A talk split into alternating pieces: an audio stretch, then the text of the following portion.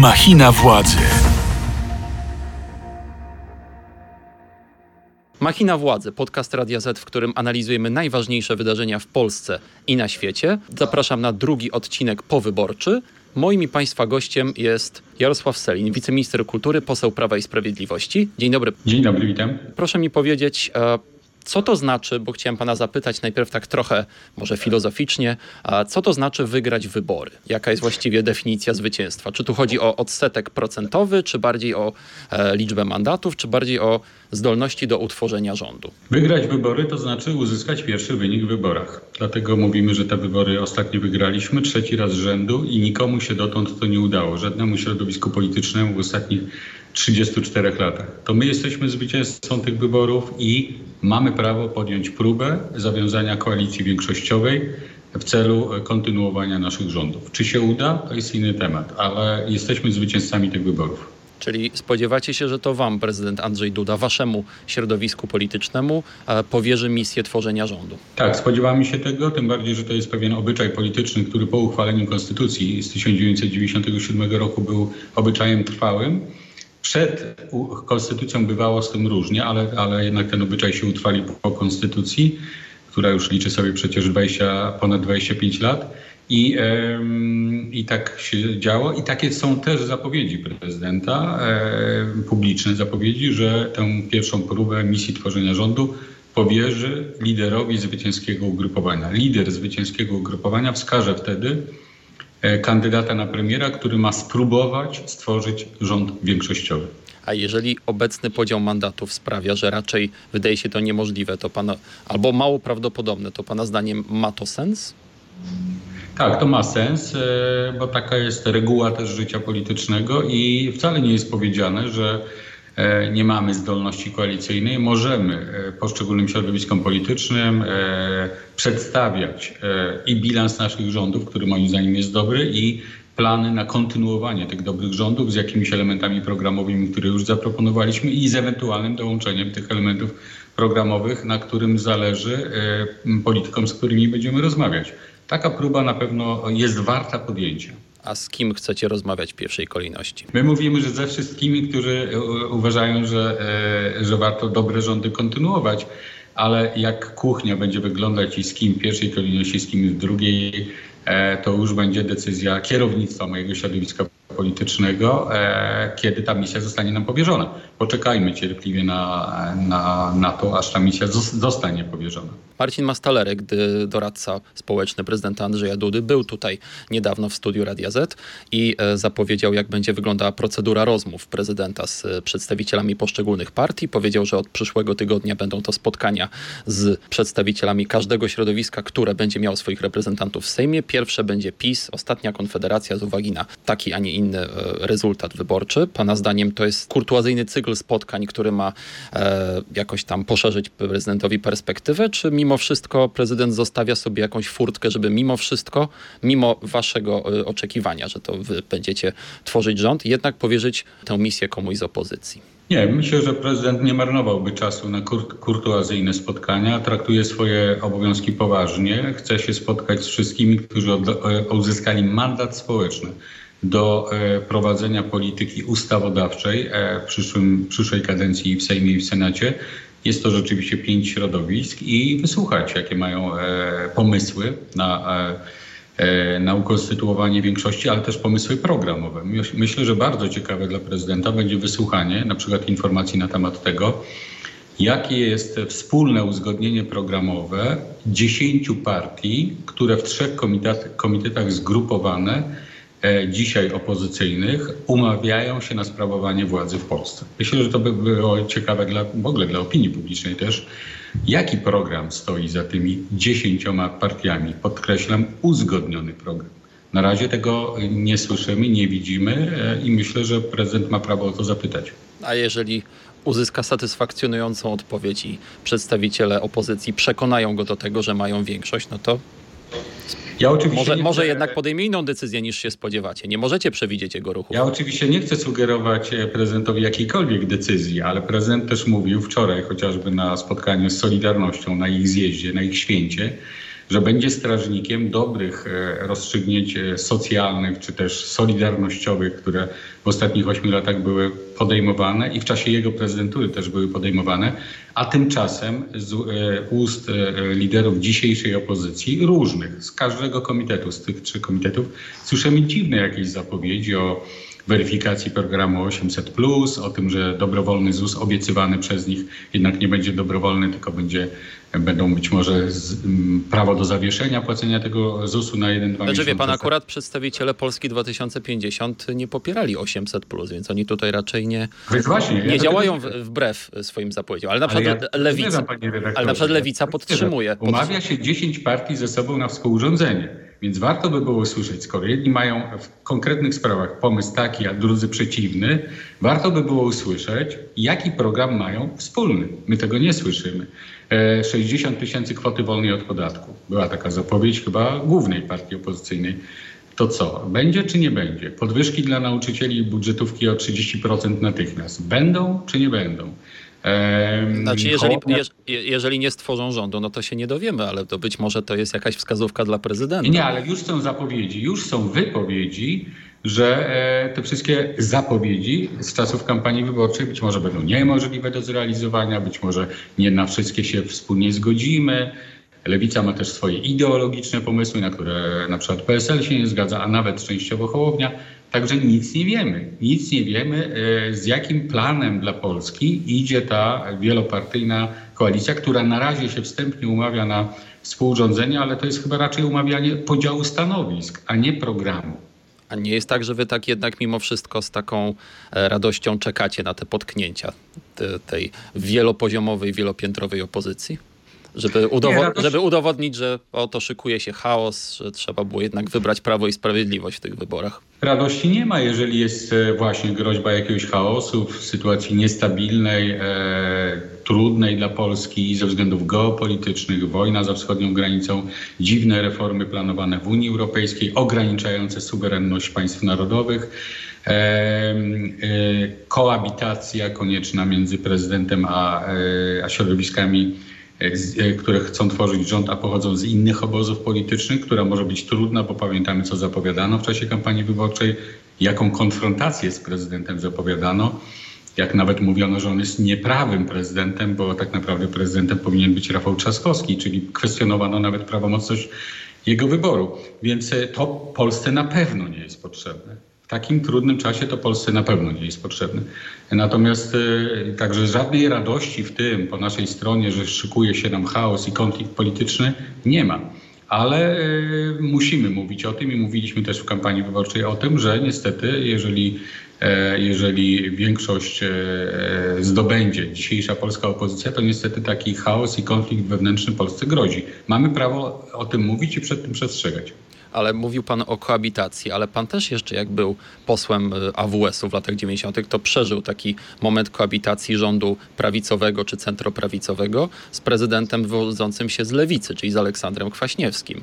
I tam też przecież grały takie mocne symboliczne podziały Solidarność i PZPR, a jednak udało się przeprowadzić z jednej strony kilka reform, dużych reform rządu Jerzego Buzka, z drugiej strony przybliżyć Polskę do Unii Europejskiej, więc czy, czy NATO, więc jednak być może ko- koabitacja nie jest czymś, co może budzić jakiś rodzaj przerażenia wśród ludzi. Po pierwsze nie byłem posłem, bo posłem jestem od 18 lat, czyli od 2005 roku. Ale działaczem, Od, działaczem. czyli od czterech lat AWS już nie istniał.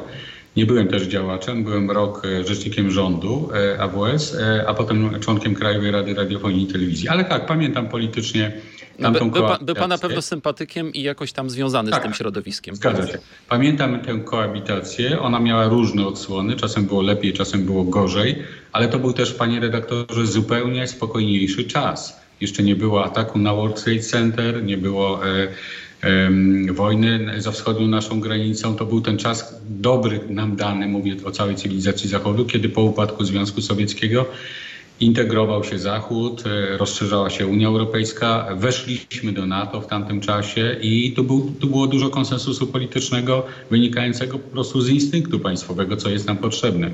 Dzisiaj e, mamy sytuację inną i, i chaos e, wynikający z różnic, e, które mogą być między czołowymi organami władzy państwowej jest nam naprawdę dzisiaj niepotrzebny. Wtedy było po prostu wokół nas zupełnie inaczej, spokojnie. Słuchasz podcastu Radia Z. A jak pan odpowie na taki zarzut, który się pojawia w też przestrzeni publicznej, też mówią o tym politycy opozycji, część komentatorów, że jednak na połączone siły e, opozycji, czyli na, łącznie na komitety Koalicji Obywatelskiej, Lewicy, Trzeciej Drogi głosowało więcej wyborców niż na was, że jest jednak mimo wszystko ta liczebna, ilościowa e, przewaga między wyborcami, którzy wybrali was, a wyborcami, którzy wybrali jednak inną drogę. I pojawia się taki zarzut, że nie potraficie się pogodzić z porażką i dlatego na siłę będziecie próbowali opóźniać moment albo zmiany władzy, albo jakoś tak spróbować przedłużać jeszcze w związku z tym misją tworzenia rządu. Jak pan na taki zarzut odpowie? Panie bardzo prosto. My nie, my nie odnieśliśmy porażki. My wygraliśmy te wybory. No tak, ale ludzi, którzy głosowali... Zupełnie innym, zupełnie innym tematem jest to, czy te, i to jest in, in, inna rozmowa, czy skala tego zwycięstwa naszego, zwycięstwa podkreślam, jest na tyle duża, że możemy samodzielnie e, sprawować rządy? Oczywiście nie. To jest arytmetyka. Oczywiście nie.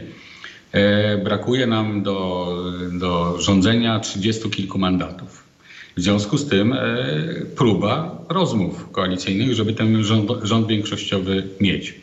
E, arytmetyka jest bezwzględna, rzeczywiście ugrupowania trzy sumowane, czyli 10 partii przeciwko nam. A pan tak bardzo tak podkreśla tutaj ten. Tak, tak, nie, bo podkreślam miarę naszego sukcesu. My, środowisko, które się tak ukorzeniło, że ma 7,5-8 milionów wyborców systematycznie i regularnie. Ale waszego środowiska tak też, trudnych, też nie tworzy jedna Nawet partia. po tak trudnych kadencjach mamy regularnie takie poparcie społeczne, żeby nas e, pokonać, czy też e, mieć większą liczbę głosów niż my, trzeba skrzyknąć 10 partii. To też jest dosyć znamienne. Ale oczywiście arytmetyka jest bezwzględna. Jeśli oni się umawiali na to, że że chcą ze sobą współrządzić i na to, że chcą i są zdeterminowani, żeby nas odsunąć od władzy, to być może tak się stanie.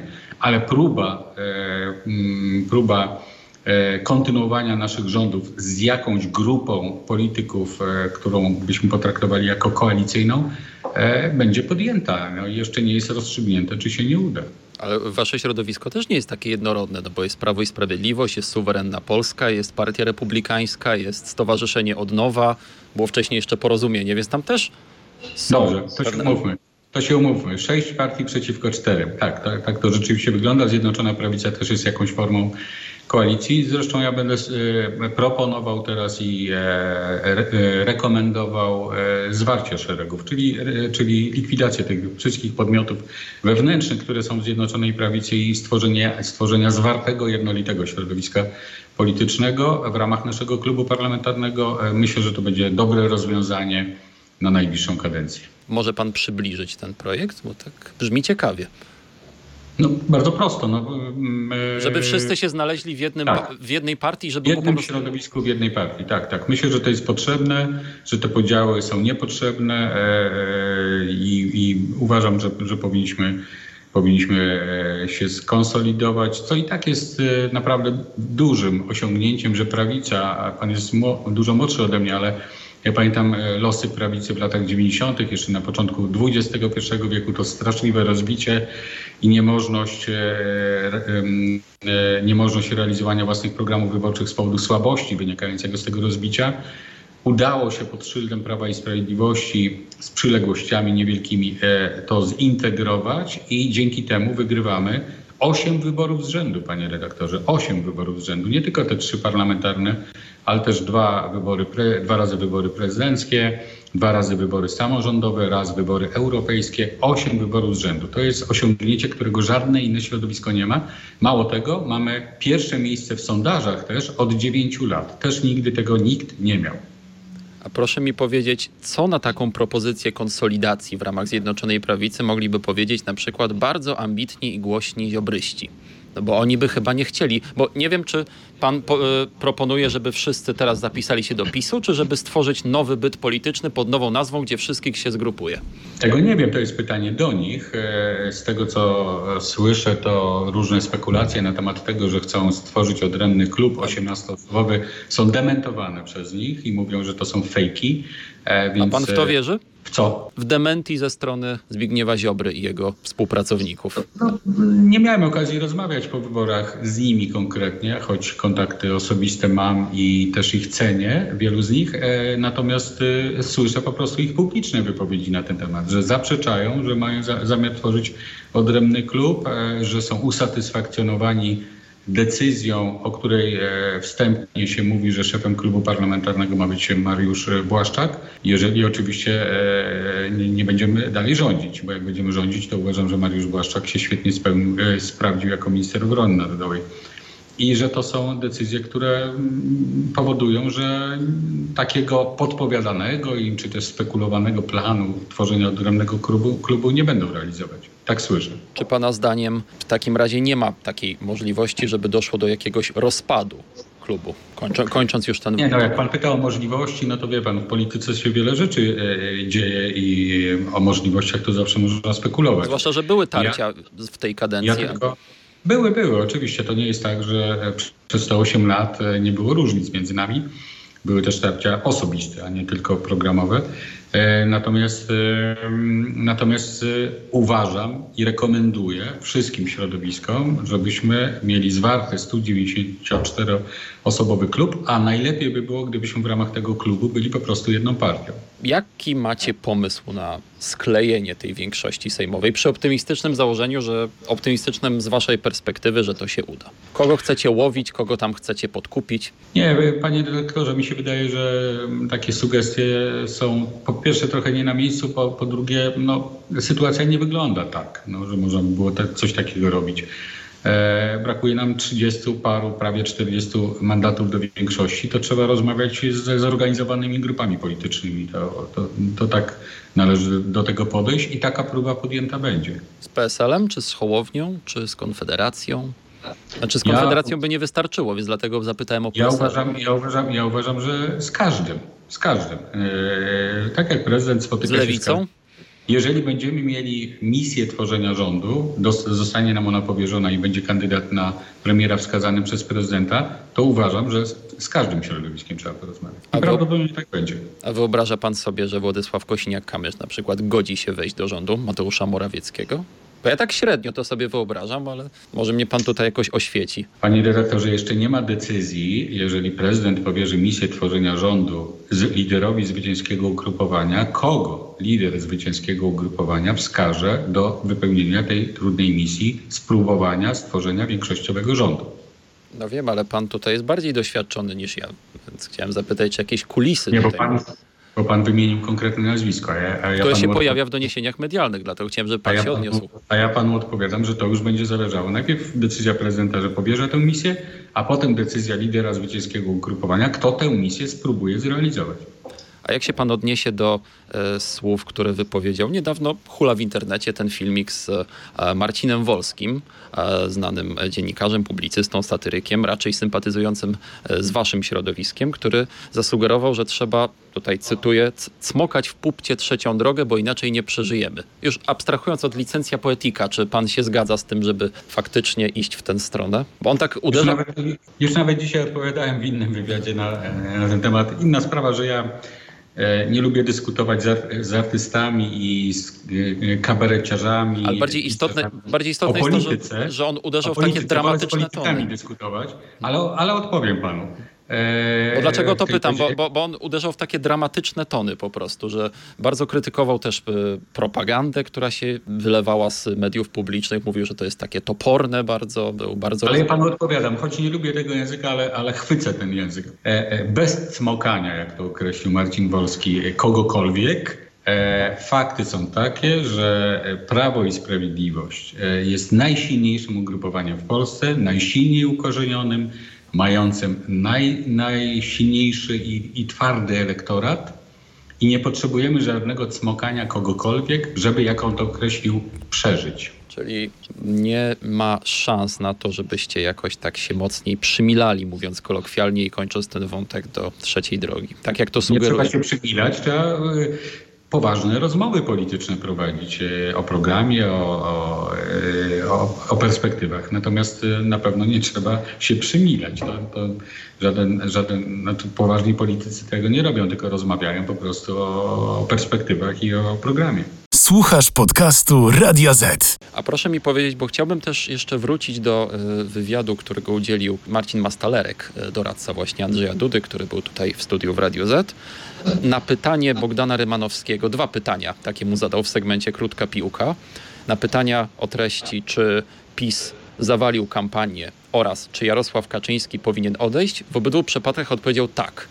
Moje pytanie brzmi najpierw o kampanii. Czy Pana zdaniem PiS zawalił kampanię? Nie, najpierw to drugie pytanie, bo tu będzie krótka piłka. Nie.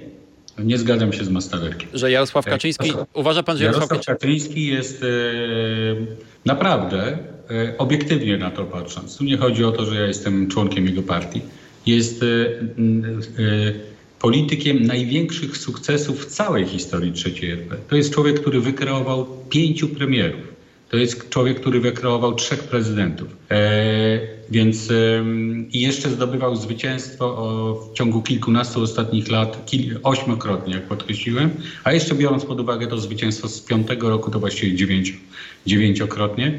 E, i jest e, po prostu wybitnym integratorem całego żywiołu prawicowo-konserwatywnego, e, które, którego to żywiołu nikt inny wcześniej przed nim nie był w stanie tak silnie zintegrować i takie sukcesy odnosić.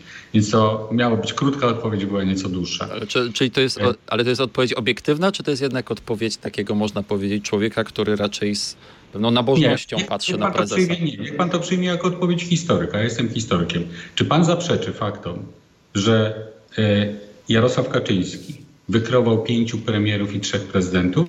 Czy ktoś ma takie osiągnięcie takie osiągnięcia polityczne jak on. Czy pan zaprzeczy, że... Znaczy musielibyśmy zdefiniować, co znaczy wykreować premiera? No zaproponować i doprowadzić do skutecznego jego osadzenia na, na stanowisku. Rozumiem, że... W historii 34 lat ostatnich. Znaczy wie pan, ja tu nie jestem od oceniania, czy Jarosław Kaczyński jest wybitny. Takie, takiego sformułowania nie, pan z moich ust nie usłyszy. Nie pan to sobie zdefiniuje jak pan chce. Ja przedstawiam fakty.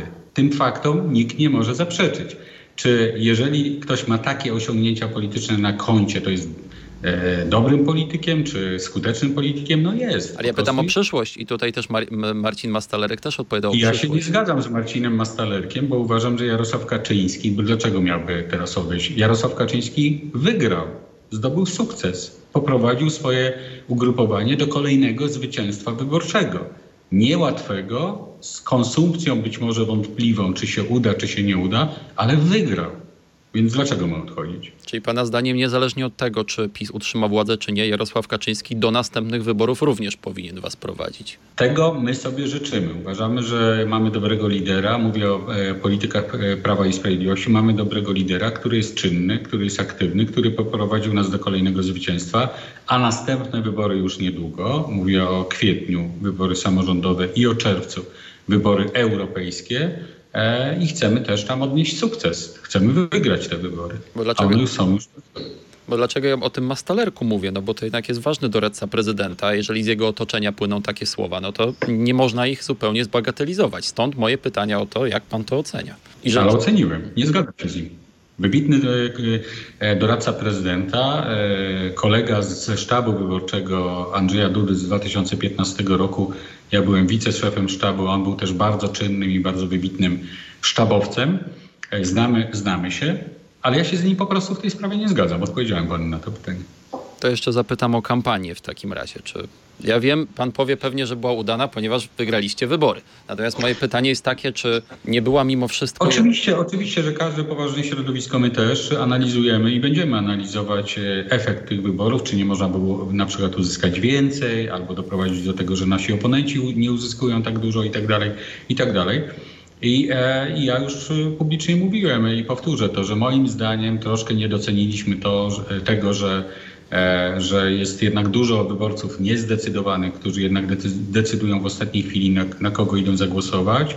W związku z tą wiarą, że ich jest niedużo, raczej nastawiliśmy się na konsolidację własnego elektoratu i mobilizację własnego elektoratu, ale nie o jego poszerzanie, bo w to nie wierzyliśmy, że takie poszerzanie jest możliwe. I, i to, to jest na przykład jeden z elementów, który warto przemyśleć w przyszłości, czy nie, czy nie warto jednak próbować ten duży, najsilniejszy, największy elektorat poszerzać o tych, którzy się wahają i podejmują decyzje w ostatniej chwili, bo widać było, że na przykład trzeciej drodze przyrosło w ostatniej chwili, że to byli właśnie ci wahający, którzy, którzy na trzecią drogę zagłosowali i w związku z tym ta trzecia droga taki nieoczekiwanie dobry wynik uzyskała. No właśnie, bo pan tutaj przyznaje się, że rzeczywiście ta mobilizacja i utwardzanie elektoratu to była ryzykowna strategia, bo to się wam zarzuca, że mówiliście do twardego elektoratu, że głównie Tusk, Niemcy, a nie było żadnej oferty dla tak zwanych wyborców umiarkowanych czy tam niezdecydowanych, czy wyborców środka, bardziej centrowych, którzy dali wam zwycięstwo w 2015 i 2019.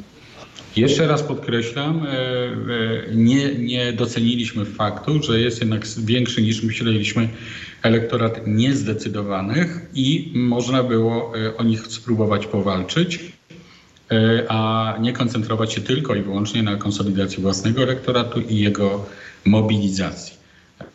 Co oczywiście, mm, co oczywiście E, jeżeli taką decyzję podjęto, że przede wszystkim tak działamy, e, to e, zaowocowało taktyką polaryzacji. I być może tutaj zabrakło tej oferty dla tych właśnie niezdecydowanych.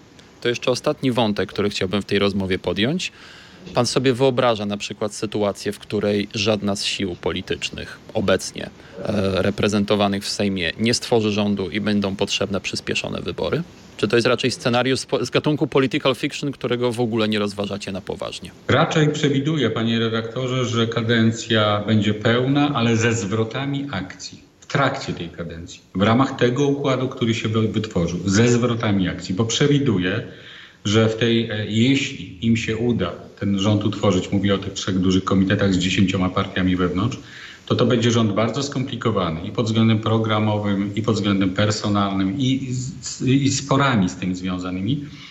E, I można nawet powiedzieć o relacjach psychologicznych między ambitnymi liderami, e, za którymi, na, na czele których stoi, e, którzy stoją na czele każdego z tych środowisk. Więc mogą być różne zwroty akcji w ramach tego układu politycznego. Więc to nie jest powiedziane, że jak coś się utworzył już na początku jakiś rząd, że on wytrwa do końca kadencji. Mogą, może być różnie. E, ale oczywiście znamy już w historii dwa takie przypadki, że skrócona została kadencja Sejmu w ostatnich 34 latach i taki wariant zawsze trzeba z tyłu głowy mieć, ale przewiduję raczej pełną kadencję i ze zwrotami akcji. Czy tym zwrotem akcji miałby być powrót PiS do władzy, gdyby na przykład opozycja stworzyła rząd jesienią? My My na pewno tworzymy najsilniejszy ich, mam nadzieję, najbardziej stabilny klub parlamentarny w tej kadencji. Najsilniejszy, najliczniejszy. Z którym współrządzenie byłoby najłatwiejsze, bo po prostu daje pewien taki grunt e, pewności, że się ma duży klub i, i, i po prostu większość. E, natomiast sklejanka dziesięciu partii może być no, e, nieefektywna w dłuższej perspektywie. Dziękuję w takim razie za rozmowę. Moim i Państwa gościem był Jarosław Selin, wiceminister kultury, poseł Prawa i Sprawiedliwości. Bardzo dziękuję Panie Ministrze za tę rozmowę. Dziękuję bardzo za zaproszenie. Tymczasem słuchajcie nas na w serwisach streamingowych takich jak Spotify, Apple Podcast i Google Podcast. E, oglądajcie na YouTubie. Następny odcinek w przyszłym tygodniu poprowadzi go już mój serdeczny kolega Błażej Makarewicz. Ja nazywam się Mikołaj Pietraszewski. Raz jeszcze dziękuję. Do usłyszenia. Do zobaczenia. Machina władzy. Więcej podcastów na player radioz.pl.